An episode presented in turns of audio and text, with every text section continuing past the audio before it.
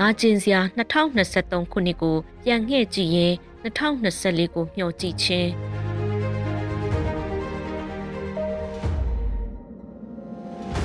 မြန်မာခရိုနီကယ်ဆိုတဲ့မြန်မာနိုင်ငံရဲ့အဖြစ်အပျက်တွေလူတွေရဲ့ခံစားနေရတဲ့ဒုက္ခဝေဒနာတွေ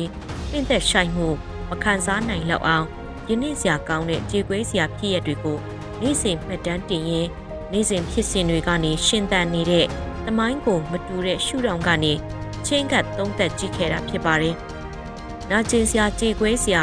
နာကြီးစရာဒေါသဖြစ်စရာအမလို့အမြဖြစ်စရာတွေအများစုဖြစ်ပြီးအာတစရာမျောလင့်ချက်တွေကအနည်းစုမြတာရှိခဲ့တဲ့နှစ်တစ်နှစ်ဖြစ်ပါတယ်။2021ခုနှစ်စစ်အာဏာသိမ်းလိုက်ချိန်ကစလို့လက်နက်မဲ့ဆန္ဒပြမှုတွေငိမ်းချမ်းစွာတောင်းဆိုမှုတွေကနေလင်းလင်းမြန်မြန်ပြောင်းလဲသွားတဲ့အကြမ်းဖက်ပြုခွင့်မှု ခုခံမှုတံပြန်မှုလုံခြံသက်ပြတ်မှုတွေက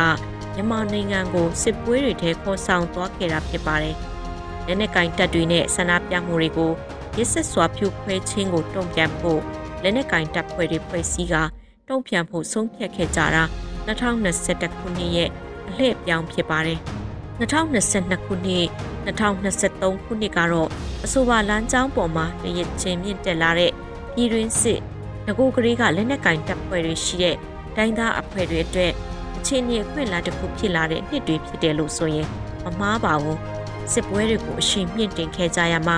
လက်နက်အားကိုနဲ့မတန်တဆလက်တုံပြန်မှုတွေတိုက်ရိုက်မသက်ဆိုင်သူတွေကိုပါပြည်တံခတ်မှုတွေတပ်ဖြတ်မှုတွေညှဉ်းပန်းနှိပ်စက်မှုတွေလက်စားချေမှုတွေမြေလှန်ဖျက်ဆီးမှုတွေကနေ့စဉ်ဖြစ်ရတွေလိုဖြစ်လာနေခဲ့တာဖြစ်ပါတယ်2023ခုနှစ် တနှစ်တာရဲ့ဖြစ်ပျက်တွေထဲမှာစစ်ပွဲတွေမှာတိုက်ခိုက်လို့တေဆုံးမှုဖမ်းဆီးတပ်ဖြတ်ခံရမှုတွေတာမကလက်နက်ကိုင်အဖွဲ့ဝင်မဟုတ်တဲ့အရက်သားတွေကိုတပ်ဖြတ်မှုတွေ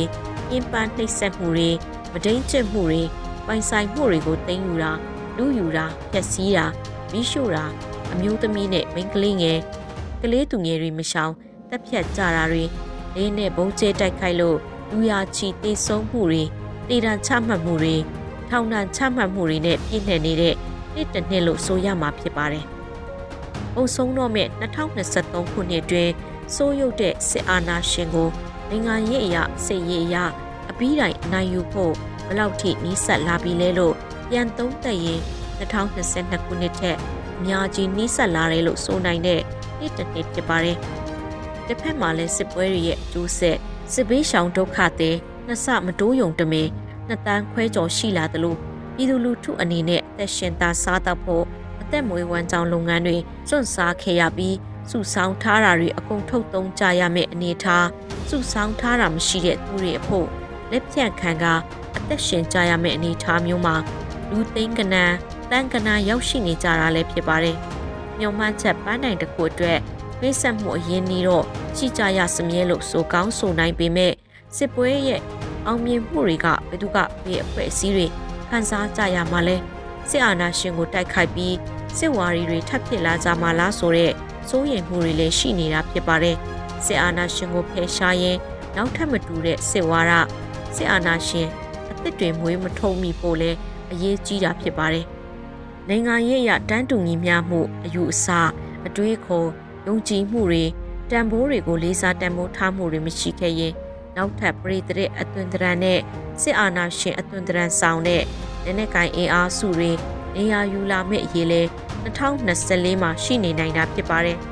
2024ခုနှစ်ဟာတစ်သစ်ဆိုပေမဲ့နှစ်ဟောင်း2023ကအကျိုးဆက်တွေလှုပ်ဆောင်မှုရဲ့ရလဒ်တွေကောင်းကျိုးစိုးမွေတွေကိုဆက်ခံရမှာအသေးချာလဲဖြစ်ပါတယ်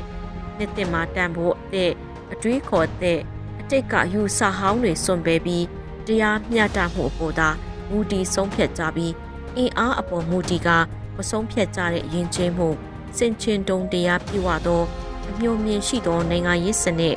အဖွဲ့အစည်းအစဉ်လာတစ်တွေကိုချမှတ်ကျင့်သုံးနိုင်ကြမှာသာလာမယ့်အနာဂတ်ကစနစ်သစ်လူပေါင်းတင်မှာတန်းတူညီမျှမှုကိုခံစားနိုင်ကြမှာဖြစ်ပါတယ်ရှင်။